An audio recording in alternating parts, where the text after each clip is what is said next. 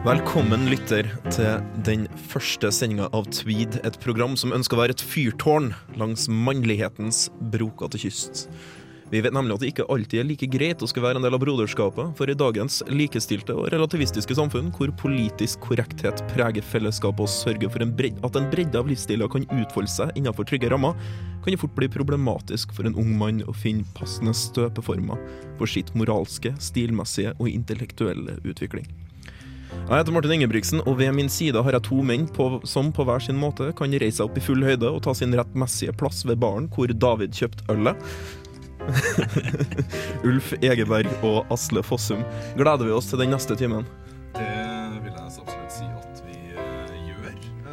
Uh, der. Beklager så mye. Det er feil nummer på mikrofonen. Jeg ble faktisk. bare holdt virkelig utafor jeg Du ble holdt å- tilbake. Aslo Men jeg klarte å svinge meg inn igjen. Uh, jeg glemte helt hva spørsmålet var, men det er jo lett å gjøre som man. Vi multitasker jo fryktelig dårlig, men eh, kanskje vi er enige om Det er, programserien skal det er vanskelig å holde en mikrofon med ene hånda og en kaffekopp med andre, men Det er eh, det er veldig mandig.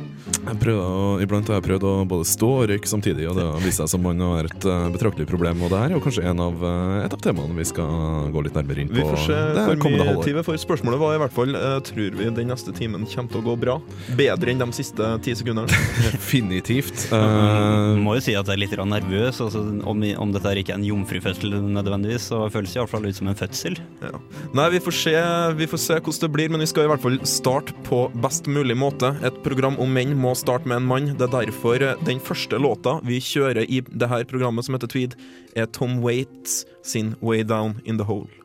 Tom Waits, velkommen tilbake til Tweed. Det, hva, hva man kan si. det var hans sataniske høyhet, Tom Waits, men fra spøk til revolver. Uh, vi snakker om, eh, om eh, manndom og sånn i Tweed i dag, som vi skal fortsette å gjøre i Tweed. Sannsynligvis ut i evigheta. Uh, vi får se hvor, hvor lenge vi gidder å drive på med det. Uh, men litt mer konkret, hva skal Tweed handle om, Ulf? Det er en vanskelig innsnevring. Altså Ja, ikke sant? Det er jo ikke det. I, I utgangspunktet så er det jo en eh, magasinflate om eh, mine og dine interesser. Altså Hvis det er utgangspunktet, så er det en særdeles, særdeles dårlig idé for et radioprogram. Det, Altså, det, det, det er i hvert fall snevert. Narsissisme i radioformat. Det, det, hva, hva kan du si? En ny og oppdatert mannssjåvinisme. Eh, som ikke er så sjåvinistisk like mye som den er, en, er mannsdom... Jeg vet ikke. Kan vi gå så langt som å kalle det bare en brannfakkel inn i diskusjonen om eh, nye eh, maskuline dannelsesprosessen i eh, det 21. århundre? Utmerket formulert, herr Fossum. Det er derfor Ja. du er med oss her i dag. For å, for å, for å hjelpe på med den her trange fødselen. Fordi det, er, det går jo også litt på rett og slett det språklige, hvordan man skal uttrykke seg som eh, mann i det her nye århundret. Eh, For man kan jo si hva man vil, eh, så obskurt man bare vil, så lenge man uttrykker seg korrekt og med selvsikkerhet, som f.eks. utbroderer det faktum at Avslutninga på Way Down In The Hole, låta vi nettopp hørte av Tom Waits, minner veldig godt om åpninga på Ghost Town of The Specials. En artig liten uh, reggae-referanse fra tidlig 80-tall, Storbritannia. Ja, og Som vi vet, så er det veldig mange å kunne, sin, kunne sine reggae-referanser. Uh, Ikke ikke nødvendigvis så mandig, men uh, det, er, det, er, det er nødvendig å kunne sine referanser. Ja. Vi vet at det å være en mann av det nye millenniumet, det å være oppdatert på popkultur i alle sine fasetter. Man kan ikke være oppdatert på alt, så velg en veldig snever retning og oppdater deg veldig godt på akkurat den retningen. Så kan Så- kalle deg ekspert. Som et første råd gitt av Tweed til alle menn, så syns jeg det var uh, veldig, veldig, veldig bra. Men, uh, men ikke, like, like mye som uttrykk, hvordan man skal uttrykke seg, så, så tenker jeg at det kanskje er viktig med inntrykk også, Ulf. Også hvilke inntrykk man skal ta innover seg. Som en mann uh, i det nye vi har allerede vært inne på, at man skal kunne litt grann referansekunst. For å være et uh, postmoderne, uh, maskulint Nei, ikke, individ. ikke, ikke dra inn postmoderne i det her. Uh, postmoderne Men- er noe svineri vi gjerne ikke vil ha mye med å gjøre. Men jeg vil si hvordan man skal uttrykke seg, hvilke inntrykk man skal ta til det, så må du kan det, vet du. Altså her Eh, En tredjedel av eh, redaksjonen eh, i Tweed er da litteraturvitere, om, om det ikke hadde gått opp for alle eh, allerede. Det, og det er en, en tredjedel. Jeg, jeg tror alle her i rommet har tatt, tatt fag på litteraturvitenskap. uh, som menn av det nye millenniumet, som har blitt veldig glad i å si de siste minuttene. Så, så det er helt nødvendig å ha tatt noen fag på litteraturvitenskap. Man må kun sin Beckett, rett og slett. Vel. Vel. Men altså, du fokuserer veldig på, på det maskuline, Martin. Og så er vi ikke opptatt av eh, damer, jenter. Eh, det er jo veldig maskulint å være opptatt av damer og jenter. Eh, gjerne, i, gjerne i den rekkefølgen. Men det har også vært veldig hipt i sånn ganske maskuline subkulturer å drive og fjetre med smågutter eller andre menn, til og med. Jeg, jeg er ikke så veldig på den, jeg, men altså så lenge As long as it's consensual. Herregud. Uh, Du tar en litt sånn gammel gresk tilnærmingsprosess der. La menn være menn med menn, gjerne om man ønsker det. Ja. ja. Romersk. Eller eh, gresk kan være mer sånn pedofilt. Vet jeg. Ja, sånn 2005 år gammel dannelsesprosess. Ja, Dannelsesprosess, helst med læreren din sin penis oppi rumpa. Vi, vi, det er vel noe vi også skal tilbake til. Skal vi, skal vi høre på Fairport eh, Convention med Pharrell Pharrell? Ja, det skal vi faen med. Ja, kult.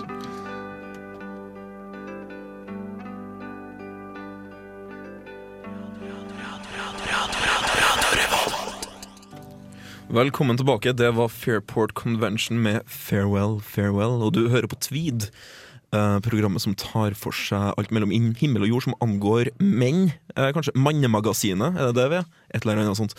Uansett, eh, vi skal nå snakke om skikk og bruk, faktisk. Ja. Ja. Hva, er skikk og bruk? Er ikke det ei bok, da? Jo, det er først og fremst en bok. Eller er det først og fremst en bok? Det er vel først og fremst en, en Det er vel først og fremst etikette. En, Eh, hold, en holdning? en holdning til verden. Altså hvordan du stryker verden med hårene.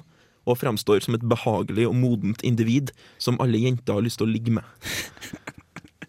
Altså, eh, I utgangspunktet så er jo vi tre Altså, vi, vi, vi oppfatter oss selv som eldre enn den, den faktiske alderen vår i redaksjonen, og Det ser på oss sjøl som surmaga, halvmisantropiske hedonister. Det vil- Halv og det- halv, det- jeg, vil, jeg, vil, jeg vil enkelte mer, enkelte mer halv enn andre, kanskje. Ja. Men, eh, men jeg vil tro det er en rettferdig bemerkning. Men eh, da, hvorfor skal vi være så jævlig opptatt av skikk og bruk hvis vi ikke har så jævla stor tro på menneskeheten? Spør du meg? Enkelte av oss trenger ikke nødvendigvis å være så veldig opptatt av skikk og bruk. Jeg bare kaster en brannfakkel ut her. Men eh, vi kan vel si kort sagt det er skikk og bruk eh, en generell oppramsing av eh, Rett og slett en, Det bør være eh, pila ditt mannlige kompass peker i retninga for å bli oppfatta som en uh, game og real og velutdanna kar. Ja. Det ja, altså, men her er vi nøppe, altså, vi er litt inne på dannelse. Ikke sånn Allmenndannelse, det, å være- det å være flott og fin og flink og alt sånt her.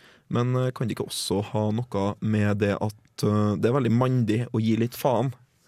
Men for å gi faen, så må du vite hva du gir faen i. Dermed, eh, hvis du skal være tøff og ikke bry deg om skikk og bruk, så må du kun skikk og bruk for å vite hva det er du ikke bryr deg noe om. Det er jo et godt I poeng. det minste, Ja, vil jeg altså, si det. det blir jo å altså, se ned på de jævla anarkistdustene Hausmania og greier i Oslo nå, kontra den, de kule anarkistene på Ja. slutten av 1800-tallet som eh, Herregud. Det er, en, det, er en, det er en viss forskjell på folk som går og skyter kongelige, og på folk som eh, driver og sutrer over at de ikke får lov til å røy, lov til å røyke hasj i friluft. Eh, spesielt siden alle sammen med en viss sosial, eh, sosial kreditt sitter på et kjellerrom det går an å bruke. Liksom. Men om skikk og bruk er en holdning, og, og altså hvordan man oppfører seg, så er det jo den der konkrete boka du snakka om. Og Ja. jeg er jo så heldig at jeg har et eksemplar Ja, for det var jo det vi skulle frem til. Ja. Eh, du, du har jo, du har, du har jo skikk og bruk. Har fucking skikk og bruk. Ja, når er denne boka fra? og? Kan, vil du fortelle litt før vi hører noe mer om den? Altså, jeg mener å huske at det var slutten av 50-tallet at den kom ut. Uh, Helt fantastisk. Min onkel så den i bokhylla mi og kommenterte sporentreks at det der var jo Altså, er skatt. Altså, den representerer verdisettet til hans foreldre, den generasjonen. Så det blir uh, tre generasjoner sia. Det er babyboomerne uh, sin måte å, å stryke verden med hårs på, rett og slett. Akkurat. Og mye, mye fok- øh, av boka handler om åssen man øh, ter seg i et selskap. Altså øh, andre viktige arenaer for øh, personlig utvikling og nettverksbygging. Så dette her passer perfekt inn i Tweed, og derfor så har jeg egenarta starta en spalte. Ulf leser fra Tweed Nei, ikke Tweed. Ulf leser fra Skikk og bruk. Det her syns jeg høres helt fantastisk ut. Skal vi bare høre på med en gang? eller? Vi kjører i gang. Det er kult. Det er skikk og bruk at foreldre prøver å gi barna sine en så god utdannelse som de har råd til, og som barnas evner berettiger dem til, og dette er et nytt tilfelle hvor skikk og bruk er blitt lovfestet. Det heter i lov av 21.12.1956 nummer 9 paragraf 12. Foreldra er skyldige til å gjeve barna sine forsvarlig oppseding og fostring. De skal syte for at barna blir utdannet etter den råd foreldra og barna har, og etter givnaden at barna. Det som er avgjørende, er altså foreldrenes økonomiske evne, barnets begavelse og lyst, samt stillingen i det hele. Hvis sønnen til en velhavende fabrikkeier ikke ønsker å gå inn i farens forretning, men i stedet studerer matematikk, kan faren ikke nekte å bekoste denne utdannelsen. Forutsatt naturligvis at sønnen har gode anlegg for matematikk. Heller ikke kan folk i beskjedne kår si til barna sine når de blir 15-16 år at nå får dere ta dere jobb og hjelpe til å tjene penger til huset. Selv om foreldrene i dette tilfellet ikke kan bekoste den utdannelsen barna ønsker seg, må de prøve å skaffe dem husvær og mat, mens barn ved hjelp av studielån, stipendier eller lignende fortsetter sin utdannelse. Og det skulle ikke være nødvendig å tilføye at en pike har nøyaktig de samme juridiske og moralske krav på utdannelse som en gutt. Wow! Bang i fjeset ditt, her har du den! Nå vet jeg hvordan morfaren min ble den mannen han ble. Altså, hvis dette her, var, hvis dette her bare var, utgjorde deler av det moralske grunnlaget han fikk som en del av sin dannelsesprosess i ungdommen, så, så må jeg si at jeg er imponert. Altså, jeg skulle ønske noe sånt hadde vært, eh, skjedd med meg, i stedet for å bli liksom flaska opp på, på, på heimbrente banneord. Og L97, hvor alle kan bli noe og pisse som forbindes med det der. Ja, herregud. Nei, jeg vet ikke. Det, det hører, det, jeg gleder meg i hvert fall til å høre mer eh, om mer fra eh, skikk og bruk i løpet av året. Eh, vi skal Det er ennå ikke over. Vi skal over på David Crosby med 'Laughing'.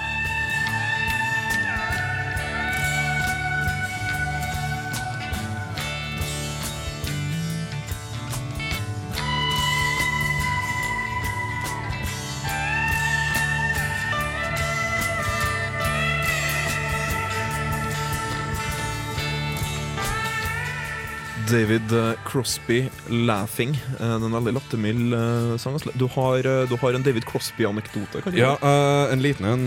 David Crosby er blant annet kjent fra Crosby, Stills Nash, og også Crosby, Stills Nash and Young, når de drar, drar med seg den eminente canadieren Neil Young uh, og rundt omkring. Ja. Ja, uh, men det var da Det her er jo ut på 70-tallet en gang, når uh, Crosby, Stills Nash kom tilbake igjen og skulle uh, spille inn en slags reunion-skive.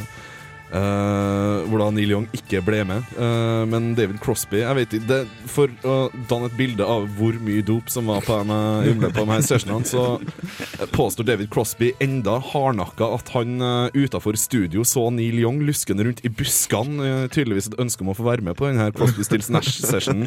Noe som er ganske morsomt, siden Neil Young på denne tida var ti ganger større enn alle de tre nevnte personligheter til sammen.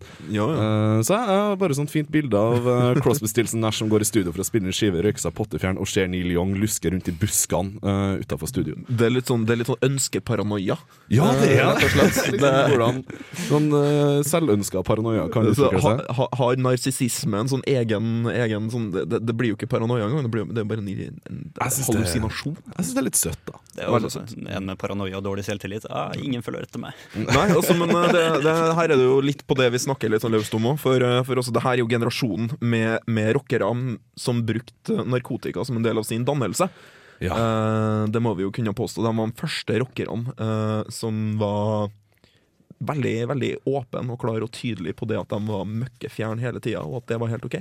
Mm, det var en måte å åpne sinnet på og komme seg videre som menneske. Uh, ja.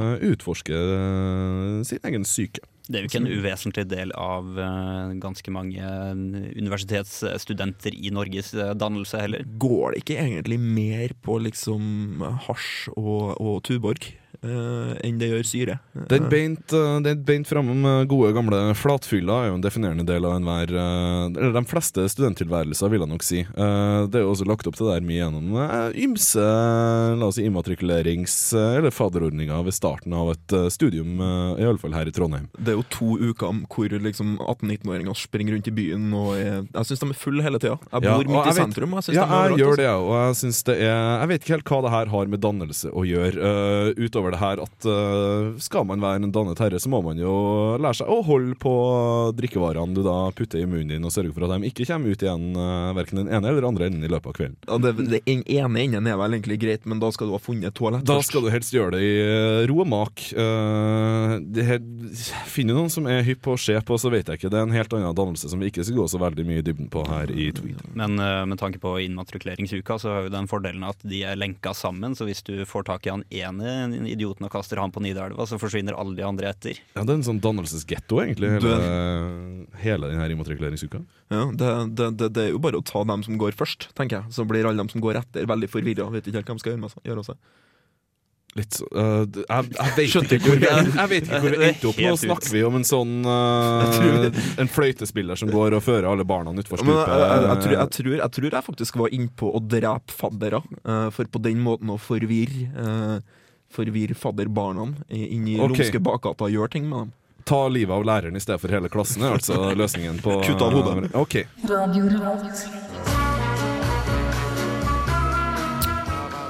Frank Sinatra, eventuelt eh, Old Blue Eyes, eventuelt The Chairman of the Board. Eventuelt Eh, Fucking alfa Male of the Century. Ja. Du hører på Tvid. Vi sitter og snakker skitt. Og ja, sitter vel egentlig og marinerer i fjertlukt. Må det vel gå an å si. Takk skal du ha. Herr her, ja, ikke hvem det var. Det var ikke meg! Det er ganske maskulint å lukte på egne gasser. Ja, ikke like maskulint å lukte på dine. Eh, Ops. Men uh, til, til saken. Spøk til revolver igjen, ja. Uh, vi skal snakke om noe som, noe som starter litt sånn i Frank Sinatra-territoriet. Eh, vi befinner oss på rett side av andre verdenskrig, nemlig etter. Eh, alle sammen er forelska i Marilyn Monroe, og en ny mote, eh, ny virkelighet, en ny stil. Bergtar verden, og da kanskje spesielt USA. Ja, altså, det er jo på den sida Atlanteren det skjer. Europa var jo utbomba helvete på Vi den gikk tida. strengt talt bare i filla på den tida. vi. Bodde i eh, bokollektiver rundt byene og Hadde rasjoneringskort og Fantasert. drømt om ei folkevogn. dro den der jævla silda over brødskiva. Spiste den på lørdagen. Ja, det var sånn, for det var, for, eh, som vi vet etter å ha hørt på diverse, diverse besteforeldre, krigen varte til 20 år etter krigen. Og hvis du ikke tror på det, så er du teit. Men vi snakker om eh, preppi. Ja. Ja. Det er også en, en klesstil som, ja. som starter i eh, slutten av 50-åra. Som tar akkurat det dannelsesgreiene. Eh, det å bli voksen. eh, og kle seg voksent også. Ja. Det, Det, det er litt den der 'when I was 17', og så det liksom det tilbakeblikket på ungdommen. Nå er vi voksne, nå er vi menn. Eh, foreldrene våre dro i krig, det er jo ikke vi, så vi må finne på noe annet. Ja, eh, altså Jeg skulle jo ønske at eh, det der idealet om å så begynne å kle seg skikkelig ble, ble eh, tatt med da til altså, Ja. dagens uh, akademia. Men uh, uniformen på Dragvoll heller jo mer mot eh, joggebukser og eh, Uff. Pannebånd. Det er vel litt det samme overalt. du kan jo si det. Uff eh, for- Fretex. Eh, også som, eh, som litt sånn uh, surmaga, surmaga og anstendig kledde. Eh, ikke fullt så unge unge menn lenger. Mhm. Så kan vi jo erklære oss fulle av forakt Ja. eh, for, for altså Bærums snowboard-type moten. Det må vel gå an å si. Helt enig. Og det koker ned til at ting var bedre før også. Ja. Jeg har lagd en liten en, sak ja, om uh, Preppy, Okay. så jeg bare setter den i gang. Ja. gjør det. Preppy, stilen for voksne, velstående gutter. Prep er et begrep som stort sett brukes som stil og holdning, selv om det deriveres fra preparatory school, private skoler i Nordøst-Amerika som skal forberede elevene på universitetsutdannelsen. Ingen burde bli overraska over at disse skolene har med sine høye priser tradisjonelt vært forbeholdt de øverste klasselagene. Stikkordene er rike familier med opprinnelse fra England, og på prep school skal avkommet begynne å forme sin akademiske karriere. Her er det viktigste av alt å framstå som profesjonell. Klær former mannen, og ingenting symboliserer gruppetilhørighet som en uniform. Gutteklubben på prep er intet unntak.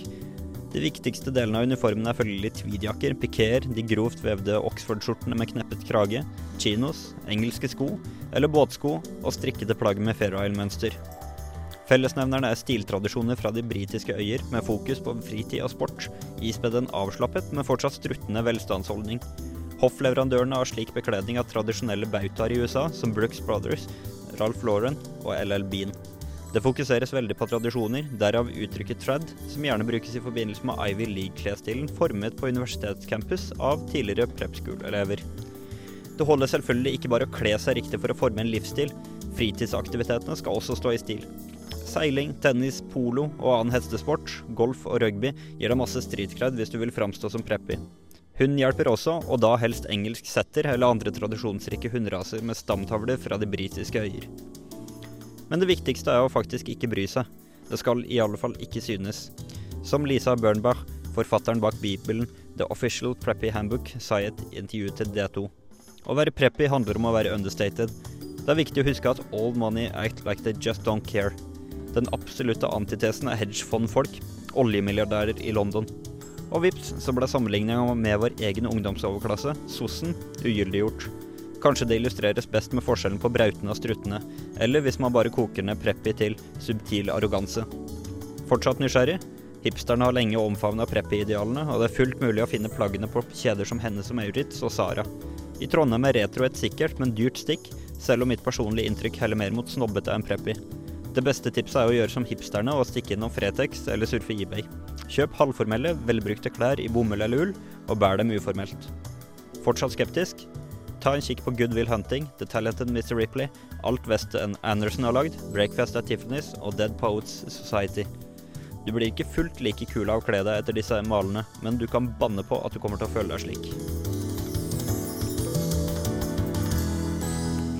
Ja, for det er jo få som, eh, som dessverre, som snakker om det å være ordentlig kledd uh, for tida. Uh, til og med hipstergreia er vel kanskje litt i overkant ironisk til at man kan, at man kan underskrive det helt. Jeg vet ikke. Ja, altså, Men om man tar på seg en tweedjakke med ironisk distanse, så betyr ikke det at man ikke kan sette pris på når man ser den. Men uh, fortsatt uh, fnyser litt inni meg når jeg ser hatter og lignende på altså folk i, i starten av 20-åra på bussen på vei til jobb. Da, da er ikke en, en Fedora eller en, en Trilby noe du skal bruke, rett og slett. Nei. Det krever en viss form for patos. Ja, for det er jo det som er litt greia. Altså, vi har jo kalt opp eh, det programmet her kan du si, etter tweedjakka. Altså et plagg som både jeg og du er veldig veldig glad i, eh, og da har en oppriktig, ektefølt kjærlighet til. Ikke med, altså, fordi det er det ultimate jakkestoffet på veldig mange måter. Det er komfortabelt, det har en fin passform. Uh, det er liksom ingenting som, ingenting som ikke fungerer med tweedjakka.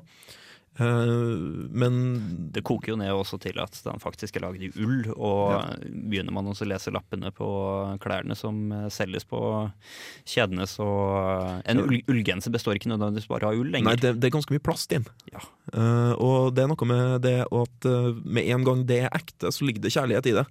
Uh, det ligger, ligger, håndverk i det, og det er ikke noe som er altså det er Litt mindre masseprodusert, kanskje litt mer, litt mer jeg har jo ikke lyst til å si selvrealiserende heller, men det Nei, men uh, altså en form for um Altså Materialisme har veldig negative konnotasjoner, mm. men materialisme i 2011 kan like gjerne være en, en, eh, høyere bevissthet på hva man kjøper og hvorfor man kjøper det. Ja. Og da gir, eh, gis produktet en egenverdi utover mm. det rent funksjonelle ved at det er en surmaga bonde på hybridene som faktisk har vevd sammen den, den der ulla. Ja, og kudos til den surmaga bonden på, på hybridene, uh, for han kan det der med jakka. Han kan det der med sauer. Kan vel understreke det at, at det som kanskje ligger i kjernen av dette, her var det som du nettopp var inne på med, nemlig det at uh, materialisme kan innebefatte det å kjøpe seg ting som man bryr, om, bryr seg om. Ja, Ikke nødvendigvis bare kjøp, kjøp tre snowboardjakker i året og bruk dem i turorden.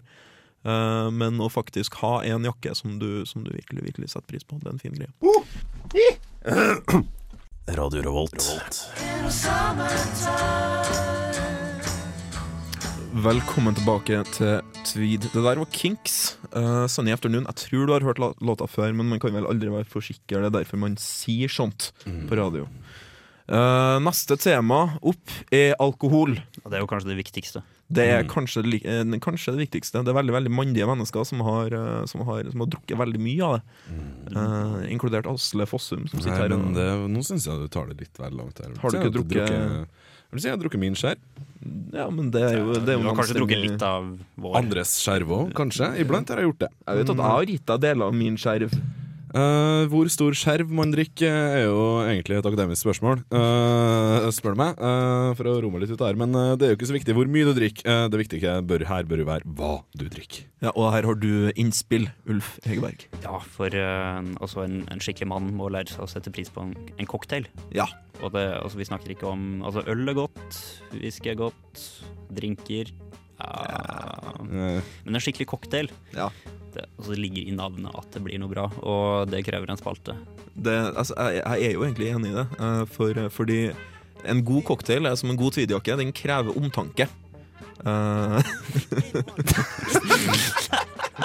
var, ikke, var, var, var, var ikke den vakker, hæ? Var ikke en bra kobling? Jeg syns det var nydelig. Men det er jo sant, altså. En, en, en bartender eh, må vite hva han gjør, uh, og må lage deg en god drink. En god cocktail, rett og slett. Og hvis jeg først skal ha en spalte om cocktail, så må jeg starte med sjefscocktailen sjøl. Det. Tørr martini. Å, herregud. Er en shaken and not stirred, eller det er bare en sånn flåsa James Bond-greie? Eh, Takk, eh, takk i diskusjonen. Uff, da. Ja ja, nei, det er Men bare for å sånn avsløre en liten hemmelighet, da. James Bond tok feil. James Bond tar feil. Jeg nevner det til og med, det står i manuset mitt. OK, nei, men da skal du skal ikke stjele mer av manuset. Sorry. Over the line. Da må vi nesten bare komme i gang med det manuset. Ja, Ja, ja. For, um, Men altså, en tørr martini, den er perfekt. Ok. Det er et pent glass, og så er det kald gin. Og det er bare så vidt krydra med tørr vermut og oliven. Og Den er krystallklar, avkjølende og frisk. Altså Nesten nøytral i smaken, men fortsatt aromatisk og smakfull. Den er rett og slett raffinert. Essensen av noe som er raffinert. Det er også få andre cocktailer som har en enklere oppskrift og en rikere historie, bare for å kontrastere det der.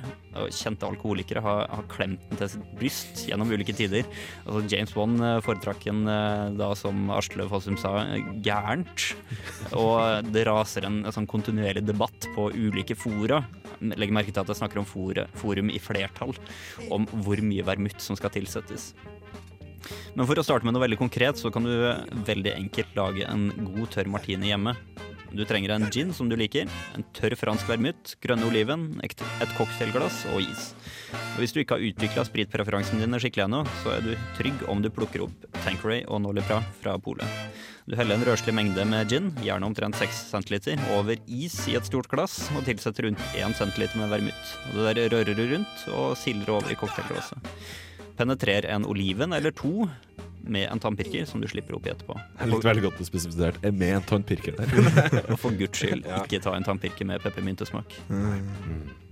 Hvis det høres enkelt ut, så er det jo nettopp fordi at det er enkelt.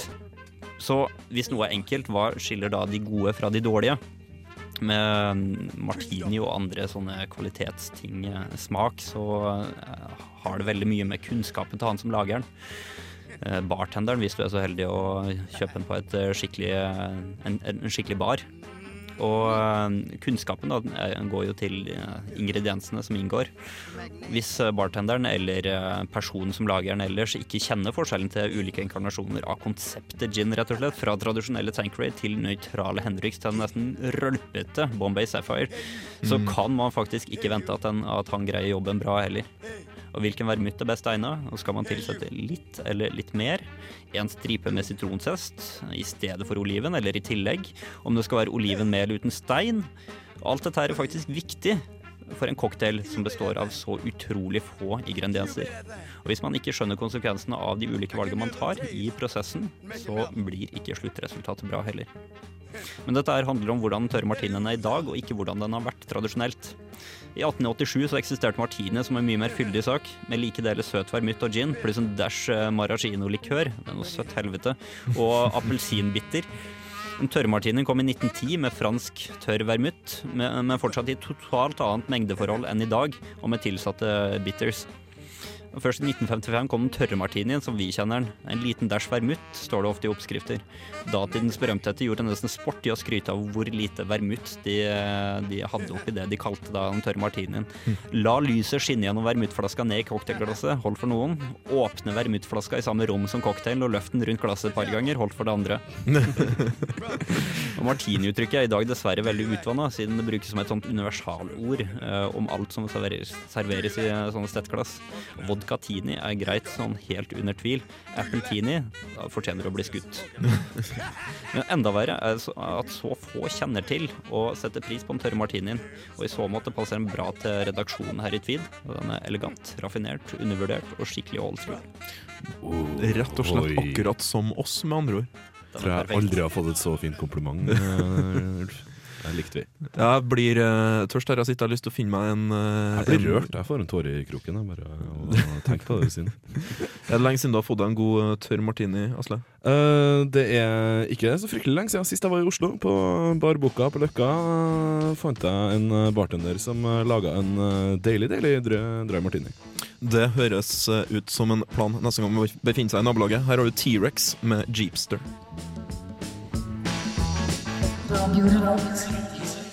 Eh, T-rex. Uh, veldig, veldig mandig bandnavn. Eh, etter den mandigste det, også, Alle gutter har én favorittdinosaurus når man er liten, og det er alltid Tyrannosaurus rexen.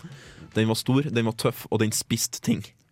T-rex i dette tilfellet er jo noe av det beste de britiske øyer har gitt oss. Og låta du hørte, var Jeepster. Ja, fin låt. Uh, vi begynner å nærme oss slutten på Tweed for i dag. Aller, aller uh, første Tweeden. Forhåpentligvis ikke det siste. Verdenspremiere, må du skjønne. Det får ikke å si, med mindre du hører på en reprise, så absolutt. Eh, det, det er jo meningen at vi skal dra noe ut av det her programmet. Har vi lært noe i dag, syns jeg? Har du lært noe, Asle? Ja, jeg har lært en del. Har du runda 20, så er det egentlig på høy tid å begynne å ikle seg en penere skjorte og et slips. eh, For da har du tredd inn i voksenverden. Og drikken som da akkompagnerer der, siden da er i spritlovlig alder, i alle fall her til lands, er jo da en uh, dry martini. Uh, og en dry martini krever kjærlighet, omsorg og ikke minst kunnskap om råvarene du benytter av. Det er akkurat som livet. Det er akkurat som livet. Kjenn dine råvarer. Vi har nådd slutten. Det var nok Tweed for i dag. Hvis du har trua, så vil jeg oppfordre deg til å følge oss videre her på Radio Revolt. Hvis du har vanskelig for å høre på radio til samme tid hver uke, så er det alltid et alternativ å laste oss ned på podkast fra radiorevolt.no eller iTunes. Jeg heter Martin Ingebrigtsen. Med meg har jeg hatt Ulf Egeberg og Asle Fossum. Her er Motorcycle med Morning Rain. Kos deg med livet. Det er det eneste du får. Amen. Radio Revolt.